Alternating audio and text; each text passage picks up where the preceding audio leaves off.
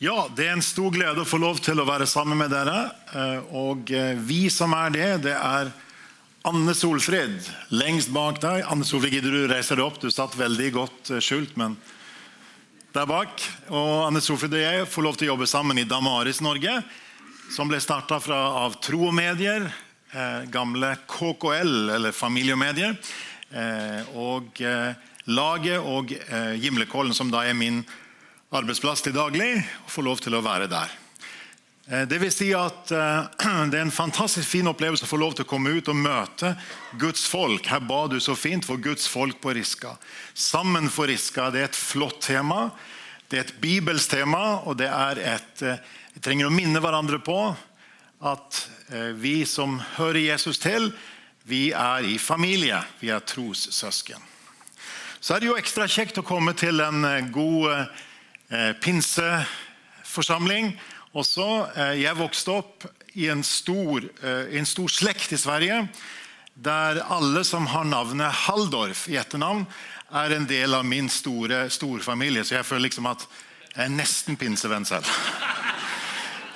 Så, men Det er ikke veldig nær familie, men det er litt sånn avstand. Men jeg vokste alltid opp med min far var pastor i Svensk Alliansmisjonen. Og han hadde veldig nære relasjoner til sin generasjon i den store pinsevennfamilien der. Så det er godt å høre sammen på tvers eh, av Guds folk. Eh, I Kristiansand, der jeg bor til daglig, så har vi jo et veldig nær og god relasjon til våre venner nede i Q42, som har blitt den storstuen i byen. Eh, på, fellesmøtene hver januar er der, det er helt naturlig. Og det har betydd veldig mye og betyr veldig mye, så vi gleder oss stort over det sammen med, med forsamlingen der. Nå er det dette temaet som samler oss. Kan vi tro på å forstå Jesu oppstandelse? Litt av et tema. Eh, vi skal prøve å vandre inn i det sammen og se litt på det sammen. Eh, la oss bare minne hverandre litt på hva har skjedd i løpet av denne helgen. Eh, noen av dere det var kjekt å se folk her igjen i dag som har vært innom. hatt anledning, og Hvis dere ikke har hatt det, så her ser dere temaene. I går var det Gud og vitenskap som var hovedtema. Så var det i tillegg også eh, på formiddagen i kirken. Og Da var det også en økt med speed learning, der vi alle satte klokkene på syv minutter og seks minutter og, så videre, og klarte å gjennomføre det. Eh, og så eh, I går ettermiddag kveld så var det fokus på C.S. Lewis, Narnia-bøkenes forfatter, pluss så veldig mye mer også. Også så hadde Anne Solfrid fokus på pålogget. Eh, hvordan forholder vi oss til en verden med skjermer? En hverdag med skjermer. Og så har vi i dag kommet til selve hjertet i kristen tro. Og det var utrolig flott med den første lovsangen. Pris hans navn. Det satte liksom, Jeg tenkte med meg selv jeg vet ikke om jeg trenger å si noe. Alt er sagt i den sangen. Eh, hvis dere ser på den sangen igjen en gang, så vil dere se at det er utrolig mye godt sagt om Jesu oppstandelse i den sangen. Så eh, la oss glede oss over det. Eh, vi er litt sånn i kolportørvirksomhet, reiser litt med, med, bøker rundt forbi. Eh, til dagens tema så har jeg lyst til å nevne at før vi går inn på selve eh, bibeltimen, talen, så det er tre bøker egentlig, jo, det er tre bøker som, som er veldig interessante her. Stefan Gustafsson, en god venn og kollega som jobber litt hos oss på Gimlekollen også, ellers holder til i Sverige, har skrevet 'Skeptikerens guide til Jesus'. Det er altså veldig veldig nyttige bøker. Og nå har vi fått en, en ny bok på, på, på markedet av en svært dyktig engelsk eh, bibelfagperson som heter Peter J. Williams. Den boka som er da i midten der. Han er en av, den eneste jeg vet om som sannsynligvis kan delen av Nytestamentet utenat på gresk. Eh, det er jo ikke så verst, da. Eh, så han har i denne boka her liten, tynn bok som skriver lettfattelig om hvorfor vi kan stole på evangeliene, og dermed også på Jesu oppstandelse så fokuserte vi på Gud og vitenskapen i går. og John Lennox, matematikkprofessoren fra Oxford, som vi hadde gleden av å ha på Veritas-konferansen i fjor, har gitt ut eh, et par bøker eh, som bl.a. om Første Mosebok og en om naturvitenskap. Anbefales varmt. Den tredje nye boka her eller to, eh, En tvilers guide til Bibelen. Vi har faktisk bare tre igjen av alle vi tok med. hørte vi. Eh, så Det viser at folk har satt pris på det. John Dixon helt til venstre der, en australsk historiker, opprinnelig rockemusiker og filmprodusent. Utrolig fargerik og fin person. Han har skrevet en bok som er en tvilers guide til Bibelen som både egner seg for å gi, gi til andre og til å lese selv. Eh, særlig hvis en på en måte har begynt å tenke på er det noe hold i dette med kristen tro. Er det noe poeng i det i hele tatt? To bøker helt til slutt. 'Lurt av læreboken'. Dette er en spennende bok for dere som eh, har barn i skolen, eller tantebarn, onkelbarn, barnebarn eller hva det måtte være, og som er opptatt av hvordan formidles kristen tro, eller som kanskje selv går i skolen eller studerer. Hvordan formidles kristen tro i lærebøker i andre fag enn KRLE? Dette er en analyse av det, veldig lettskrevet av Bjørn Are Davidsen, som er en dyktig forfatter. Den er en gullgruve til å oppdage det eh, som eh, Så vi kan knytte an til det sant, også i trosopplæring i våre forsamlinger. Positivt og negativt knytte an til det som skjer. Helt til slutt om dette trenger troen forsvares. Hele denne helgen har vært en trosforsvarshelg. Og denne boka av vår gode kollega og venn Stefan Gustafsson er en aldeles ypperlig bok. Eh, så hvis dere ønsker å ta dette videre tema, så er det en bok som anbefales veldig varmt. Nå er det sånn at I Damare så utvikler vi ulike ressurser, og særlig på nettet. Eh, og Vi har da en podkast som, som vi gjerne vil nevne. fordi Eh, vi opplever en stadig større etterspørsel på det. Der foredrag og seminarer kommer på nett, og folk gir tilbakemelding at det betyr mye for dem. Det gir folk frimodighet, trygghet, eh, glede eh, til å dele troen med andre.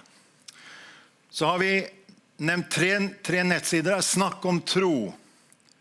Den var så følsom, den her. ja. Sånn. Snakk om tro er Anne Solfrid redaktør for. Eh, en, en, nettside som tar opp både apologetikk, trosforsvar, og at vi lever i en verden der vi møter så mange budskap, særlig i mediene, i populærkulturen, og vi trenger å forholde oss til det. John Stott, som startet Lausanne-bevegelsen sammen med Billy Graham, snakket om dobbel lytting to the word and the world, til Bibelen og samtiden. Det trenger vi å gjøre. Så har vi siden en del år tilbake en, en side som heter Konfirmant Online en statisk side som er et stort arkiv av materiell om, med konfirmantopplegg på. Veldig nyttig, primært for Norske kirke, for det var et trosopplæringsprosjekt. Men vi har fått tilbakemelding på at mange i frikirkesammenheng også bruker den, fordi det er mange temaer som er mer allmenne og ikke spesifikt for en Luther-sammenheng, f.eks. Dette var jo gode nyheter. Ja? Tusen takk. Så bra. Så jeg har bare lyst til å nevne det, at, at vi føler vi står i et viktig arbeid i Damaris på vegne av Kristen-Norge. Eh, vi jobber da med hva skjer ute i kulturen, og prøver å bygge bro, analysere, vurdere, oppmuntre til samtale om dette. Og vi vil gjerne invitere dere også til å inkludere det i deres forbønner. Og kanskje er det noen som har lyst til å tenke dette var noe som jeg kunne få hjerte for og også støtte opp. Og Det finnes et ark ute på bordet vårt, bokbordet der, som dere kan kikke litt nærmere på det. Og La meg si helt til slutt, før vi går inn på, på, på talen eh, Vi har utviklet et studium som heter KL på blant kjentfolk. Kommunikasjon livssyn på Gimlekollen, det som nå er en del av NLA. Eh, og Vi føler det er en gullgruve til å få lov til å dele med unge mennesker, og av og til også noen som er litt eldre. Hva vil det si at kristen tro er aktuell, troverdig, relevant i dag? Hva betyr det i møte med dagens utfordringer? Så dette sagt fordi jeg har ikke lyst til å la dette komme til slutt og ødelegge veien inn i forbønn til slutt. Ærlig talt. Jeg forstår at dere her i menigheten har en serie som heter Ærlig talt. Og Da slo det meg at vi kan plassere inn det vi skal si nå, i tre ulike sammenhenger. For det første i serien her i Betel. Det er flott å ha et gudshus som heter Guds hus. Betel. Eh, jeg vet ikke om dere har hørt om Francis Schaefer, som starta Labri-bevegelsen.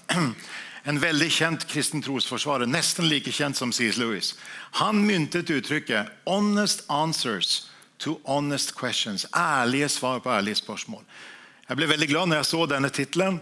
Ærlig talt. Det ligger veldig nært dette dype anliggende at vi må prøve å tenke eh, at vi kan ikke gi svar på alt, verken overfor oss eller overfor andre. Men vi kan være ærlige og gi ærlige svar på ærlige spørsmål. Og Hva er mer naturlig enn å slutte en trosforsvarhelg med det mest sentrale i kristen tro, som alt står og faller på, nemlig sto Jesus opp fra de døde? Og Hva betyr det for oss i vårt liv i dag, i vår vandring med Herren i dag? Og så er det jo sånn at Dette sammenfaller med alle helgens dag i dag. Og Det slo meg at det er jo ufattelig sentralt. Hva ville alle helgens dag vært uten Jesu oppstandelse? Ingenting. Bare noen drømmer, noen vage drømmer om en himmel, men ikke noe virkelig, noe reelt, noe substansielt. Stefan Gustavsson har jeg sitert. Han er også lederskribent i svenske eh, tilsvarigheten til Dagen, Verden i dag. Han sier at Når vi nå feirer Allehelgens dag, så feirer vi altså ikke alle som har dødd, men vi feirer heller ikke noen spesielle åndelige individer. Nei, Vi feirer alle dem som har gått foran oss i troen på Jesus Kristus, og vi takker Gud for deres liv. Som kristne er vi satt inn i en stor historisk sammenheng med røtter langt tilbake i tid. Vi er åndelige etterkommere til Abraham, som levde ca. 2000 før Kristus, og siden til alle dem som etter ham har satt sin tillit til Guds løfter og vandret i troen på ham. I vår tid, som er ensidig opptatt av det, av nå, det nåværende, minner vi oss denne helgen hverandre om den vev av relasjon gjennom historien som vi er en del av. Akkurat nå er det vi som har stafettpinnen. Akkurat nå er det vi som er på løpebanen. Men vi er bare en liten del av et stort stafettlag med mange som har løpt vanskeligere strekninger enn oss.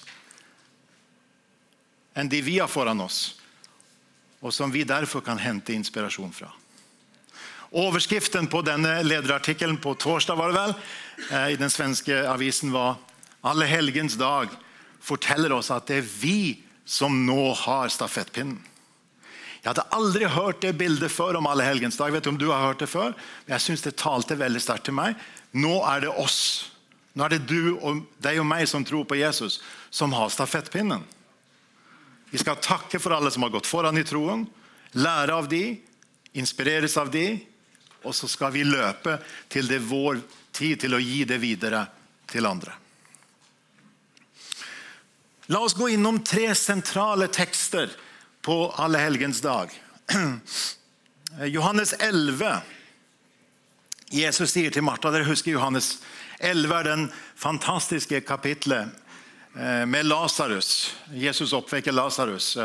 Og så sier da Jesus til Martha, 'Jeg er oppstandelsen og livet. Den som tror på meg, skal leve om han enn dør.' Et fantastisk kjerneord som går rett inn i det vi skal dele sammen her. Jesaja 60 er faktisk satt opp som prekentekst i Norske kirkes kirker eh, i, i, dag. Um, og da er det fra den del av Jesaja-boken, den siste delen av Jesaja-boken, der vi møter bildet av Messias som seierherren, som skal bringe seier til alle som søker sin tilflukt til Sion, til Guds sted for Guds åpenbaring. Og Så kommer dette nydelige, nydelige verset i kapittel 60. Solen skal ikke lenger være ditt lys om dagen. Måneskinnet skal ikke lyse for deg, men Herren skal være ditt lys for evig. Din Gud skal være din herlighet. Og jeg er sikker på at du kjenner igjen dette verset fra Jesaja 60, fra åpenbaringen, avsluttende kapitlene, der dette plukkes opp flere ganger, om at Gud er selve lyset i e, den evige byen i Jerusalem.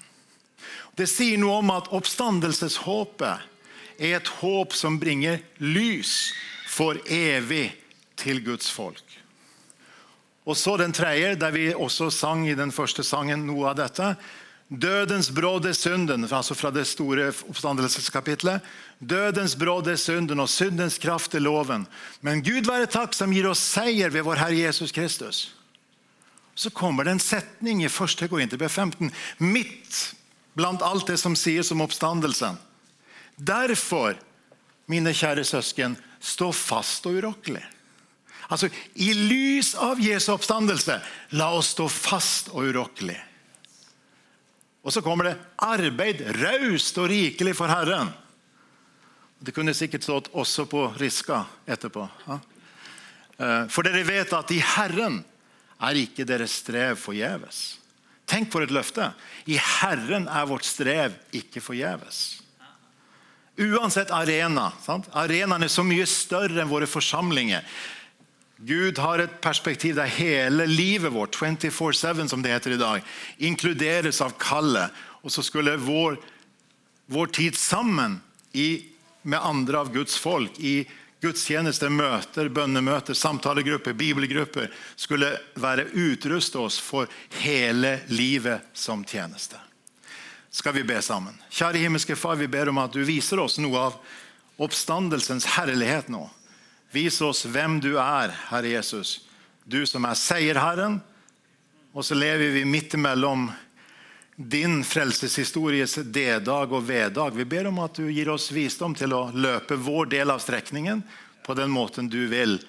I trofasthet og tillit til deg, du som er oppstandelsen og livet. I Jesu navn. Amen. Man begynner å tenke over hvorfor er oppstandelsen så sentralt.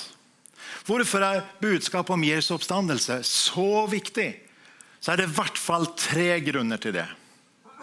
Den første grunnen er at det sted der du og jeg som mennesker møter vår eh, litenhet og vår, våre grenser og vår begrensning som mennesker sterkest er i møte med døden. Akkurat på det punktet er det at Gud griper inn. På vårt svakeste punkt er Guds sterkeste punkt. Han møter oss i møte med døden, med oppstandelsen. Og så under det, sier Bibelen, Nytestamentet, ligger det et mye, enda mye sterkere, dypere problem for oss. Nemlig at synden er brodden i dette. Dødens brodd er synden, og syndens kraft er loven. Og så har Jesus, Gud i Jesus Kristus gjort noe med begge deler. Der vårt behov er størst, der møter Gud oss med sin frelse. For det andre dersom det er sant at Jesus sto opp fra de døde, så er det selve den skjellsettende begivenheten i historien. Det fortelles om Napoleon at han kunne være nokså syrlig i kommentarene. En av hans eh, medarbeidere hadde fått litt sånn stormannsgalskap på sinne og sa at jeg har lyst til å starte en ny religion. sa han. Ja, sa Napoleon, det må du bare gjøre. Det er veldig enkelt. Å, er det det, sa han medarbeideren. Det eneste du trenger å gjøre, det er å dø og stå opp igjen. Det er ikke verre. Det var jo da syrlig sagt, men, men det sier noe om at vi har hørt dette så ofte budskap om Jesu døde oppstandelse at vi nesten har mistet hvor radikalt det er. Så vi trenger å minne hverandre på, minne oss selv på, tale til oss selv, til vår egen sjel, til vår egen, vår egen, eh, in, vårt eget indre menneske. Verdenshistoriens mest sentrale begivenhet. Det skjellsettende. Ja, ja, det snakkes om før og etter vår tidsregning, og ikke bare før og etter Kristus. Men hva er vår tidsregning? da? Det er jo Jesus. Så Det kan jo være en fin måte hvis en begynner å bruke ett før og etter vår tidsregning. til å begynne å spørre. Er så interessant. Vet du hvorfor vår tidsregning er sånn? Så har vi samtalen gående, kanskje, med noen. For det tredje Jesu oppstandelse viser oss nemlig Paulus understreker dette gang på gang i sine taler i apostelgjerningene. At dette viser oss at det, gå, det, går an å gi gode grunner for troen. Jeg husker eh, det var faktisk i 1991. Jeg var i London, Kona mi Margunn jeg var i London på et opphold på syv, syv eh, måneder. Skulle forberede oss til, til lærergjerning på Gimlekollen. og gikk da i All Souls Church, der John Stott var den kjente anglikanske eh, som jeg nevnte allerede tidligere her, om dobbeltlytting. Og han talte over Thomas-teksten. Så sa han Faith is not the opposite of evidence. It's the opposite of seeing. Det er ikke en motsetning mellom tro og grunner for, bevisgrunner for troen. Men det er en motsetning mellom tro og det å se. Det syns jeg var veldig mye vist i. ikke sant? Vi ser ikke alt fysisk, men vi kan gi gode grunner til hvorfor vi tror. Og Dette lærer oppstandelsen oss, at vi har gode grunner for vår tro. Vår tro er ikke en tro uten grunner.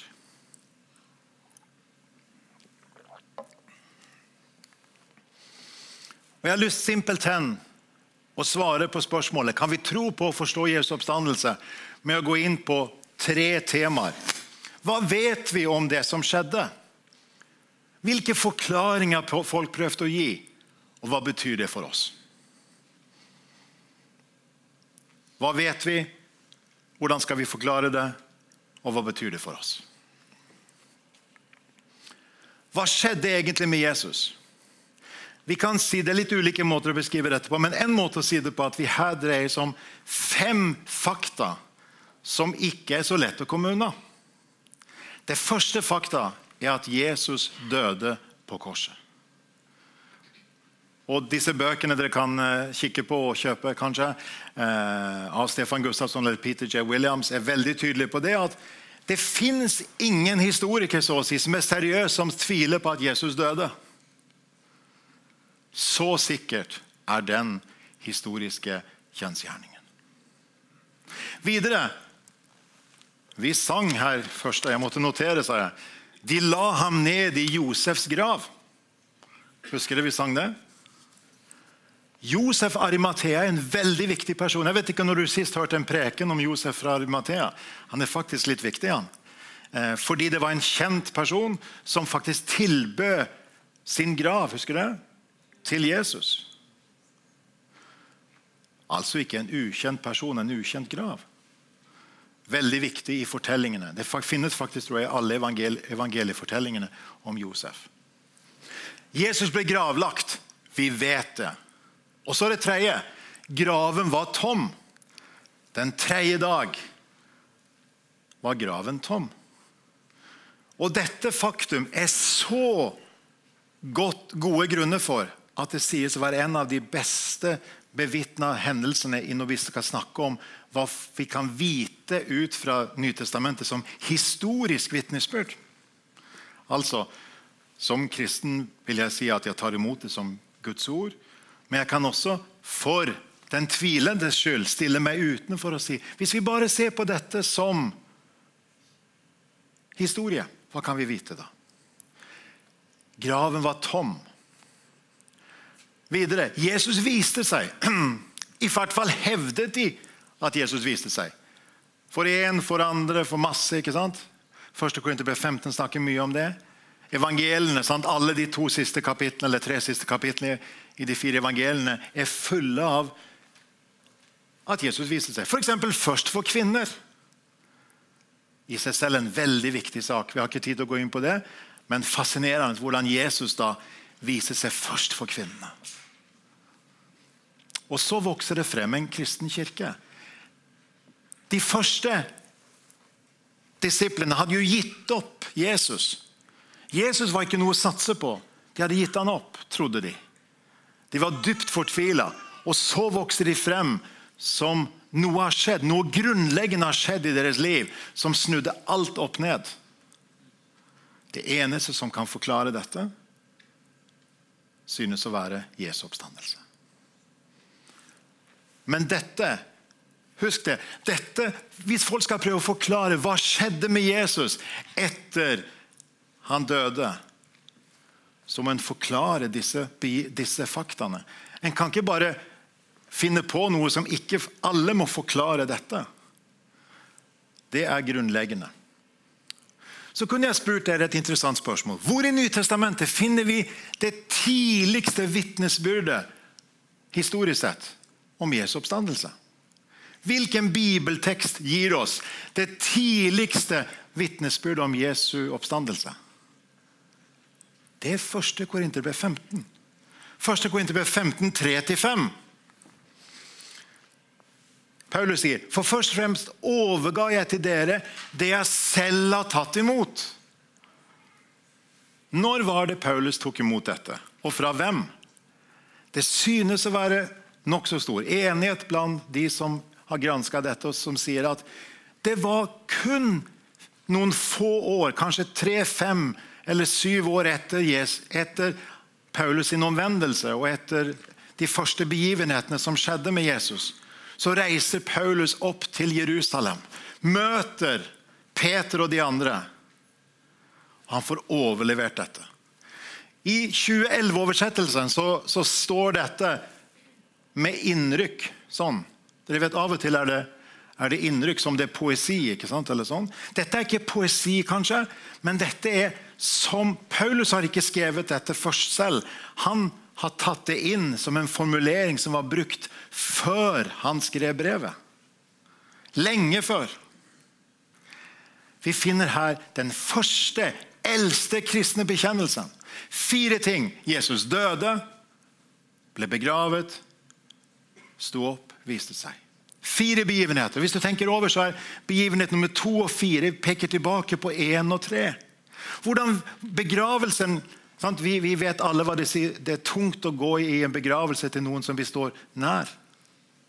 Begravelsen er på en måte bekreftelsen på at nå er livet over. Døden er et faktum.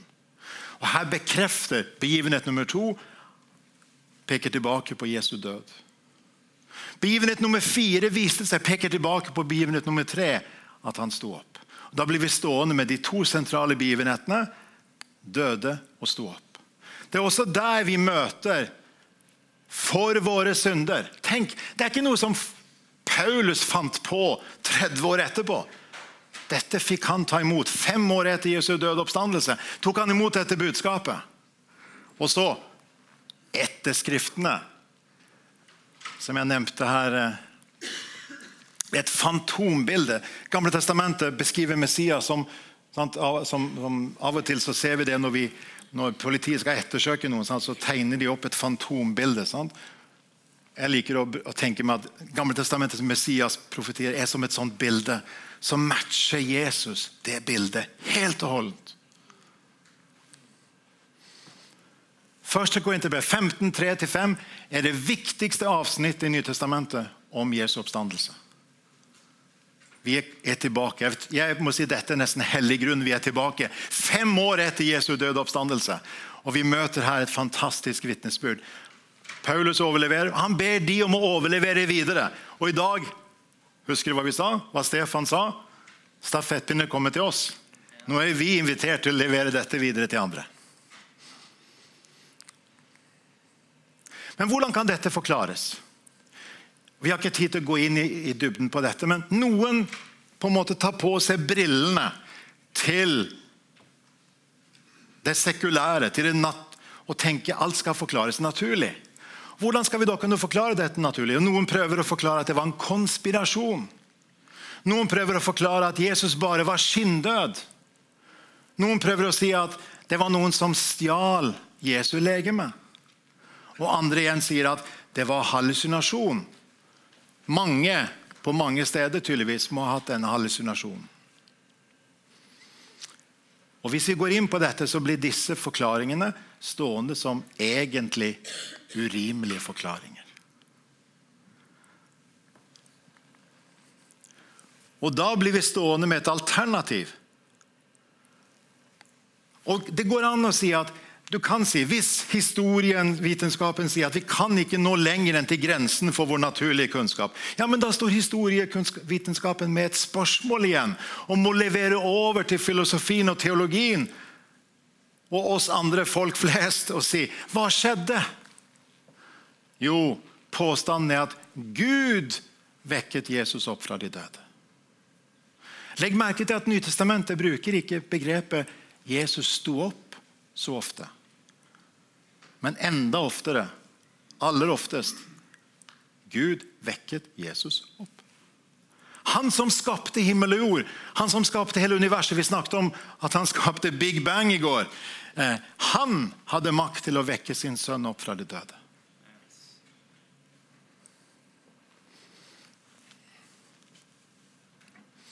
Vi har ikke mulighet til å se den videoen som jeg hadde tenkt. Det går litt for langt tid for oss for det. Dersom det er mulig at Gud finnes, så er oppstandelse mulig. Ok, Folk trenger ikke å tro at det er nødvendig, at det er absolutt, det er helt sikkert at Gud finnes. Men hvis det bare er mulig at Gud finnes, da kan det være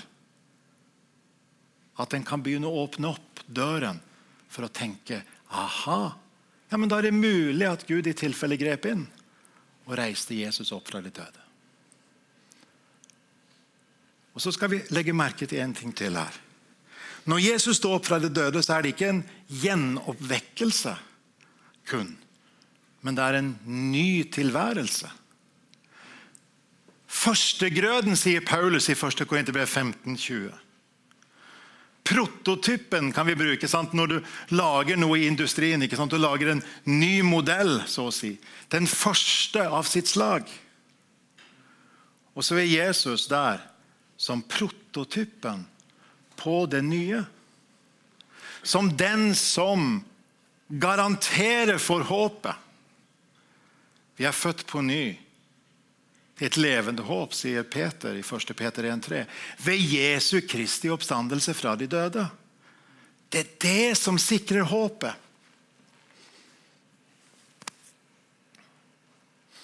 Og Jeg vet ikke hva du trenger å høre i dag, eller hva jeg trenger å høre trenger du og jeg å høre at eh, Jesu oppstandelse møter oss på våre dypeste behov. Der vi ikke strekker til. Dødens vondskap. Sant? Døden er noe vondt. Døden beskrives som en fiende i Bibelen. Og Vi må ikke idyllisere døden. Vi må snakke ærlig og bibelsk om døden som en grusom realitet. Noen ganger kan døden selvfølgelig være en befrielse i en krevende livssituasjon. Men dypest sett er døden en fiende. Jesus har overvunnet denne fienden. Og Under det ligger dødens brodd, som er synden.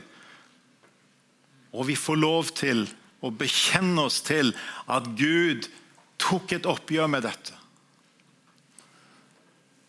Og så Kanskje trenger vi å få på oss noen nye briller i dag, så å si. Billig talt. Se virkeligheten gjennom Jesu Kristi oppstandelse. Hvordan ser virkeligheten ut dersom vi ser den gjennom oppstandelsen? Da viser det seg at Jesus er den mest sentrale personen i historien. Sånn som vi fikk lovsynge her i stad. Sånn som vi bekjenner jeg tror på Gud Fader, jeg tror på Guds sønn, jeg tror på Gud den hellige ånd. Sånn som vi bekjenner med alle de som har gått foran i dag når det var alle helgens dag. Vi står i en sammenheng. Vi står i en unik stafettveksling-sammenheng der vi nå bærer stafettpinnen. Og så er det noe fantastisk, noe utrolig. Jeg husker at var, jeg skulle forberede skoletime. Jeg gikk teologistudiet på Fjellhaug. Eh, misjonsskolen het den gangen. Eh, og var i praksis. og hadde, Jeg og en annen eh, medstudent vi skulle ha skoletimer og kunne få lov til å presentere om oppstandelsen. Og Jeg leste gjennom den klassikeren Josh McDowell, 'Evidence that demands a verdict'. 90 sider sammenhengende før den uka. Og jeg tenkte med meg selv Wow! Er det så sterke grunner for å tro på Jesu oppstandelse? Ikke at det er matematisk bevist. Det er ikke en selvfølge, men det er overveiende sannsynlig. Det er gode grunner. Og kanskje møter du dette blant kollegaer. Kanskje møter du dette i skolen eller studiene. Kanskje møter du dette i familien, blant venner, blant naboer. At folk tror ikke at du har noen grunn til å bekjenne kristen tro utover det hva det gir deg på det religiøse området, ville de kanskje sagt. Vi har gode grunner til å dele og tro på hvem Gud er som vår skaper og vår frelser.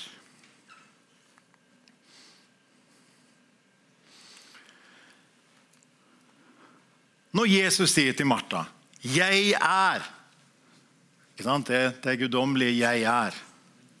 Oppstandelsen og livet. personifisert. Ok, Mohammed snakker om Allah. Buddha snakker om visdom. Jesus snakker om seg selv. Radikalt. Han skarpstiller vårt fokus mot seg selv og spør har vi sett Jesus. Har vi sett han så tydelig for vårt indre øye at det å tro på han, det å ha tillit til han, betyr at vi lever selv om vi dør. Og I det perspektivet så lover Gud å være vårt lys for evig. I det perspektivet så skinner lyset for oss i møte med døden, i møte med synden, i møte med djevelen, i møte med fristelsen, i møte med hva det måtte være av frykt. Ofte kan vi rammes av frykt. Eller manglende frimodighet. Eller mismot eller hovmod. Du vet selv hvor dine nederlag og jeg vet hvor mine nederlag lett kommer. Og I møte med dette så stiger Jesus frem i våre liv og sier, 'Jeg er oppstandelsen og livet'. Derfor, mine kjære søsken, stå fast og urokkelig. Paulus skrev brevene sine for å levere stafettpinnen til dem. Han skrev for å la hele deres liv får være i lys av evangeliet. Dødens bråd er synden, syndens kraft er loven. Men Gud være takk som gir oss seier ved vår Herre Jesus Kristus. Og Da ser jo Paulus både seier over syndens skyld og seier i fremtida når Gud skal bringe inn det nye, avgjørende. Derfor, mine kjære søsken, stå fast og urokkelig. Arbeid raust og rikelig for Herren. For dere vet at Herren er ikke deres strev forgjeves. Husk at disse setningene er skrevet i lys av oppstandelsen. Kanskje vi kunne ta med oss det. Hverdagens tjeneste for Herren er i lys av oppstandelsen. Herren Jesus vandrer med og gir oss sin nåde, sin trofasthet. Og skinner for evig for oss. Tilbake et øyeblikk, bare. Kan vi bli stille litt i ettertanke? Og så reflekterer du og jeg over hvordan er det Gud taler til meg i dag om oppstandelsen. Taler han sine frykt ikke til oss inn i en situasjon der vi er preget av frykt? Frykt ikke døden, frykt ikke synden, frykt ikke djevelen. Frykt ikke det politisk korrekte, frykt ikke osv. Hvordan taler han til oss i dag? Taler han til oss for å minne oss på at Jesus er den viktigste personen i historien. Det som vi ikke hører i mediene til daglig, men som allikevel er sant. Taler han til oss om Mist ikke motet. Det er gode grunner for å tro. Det er også derfor vi har en trosforsvarshelg på Riske, er det ikke det?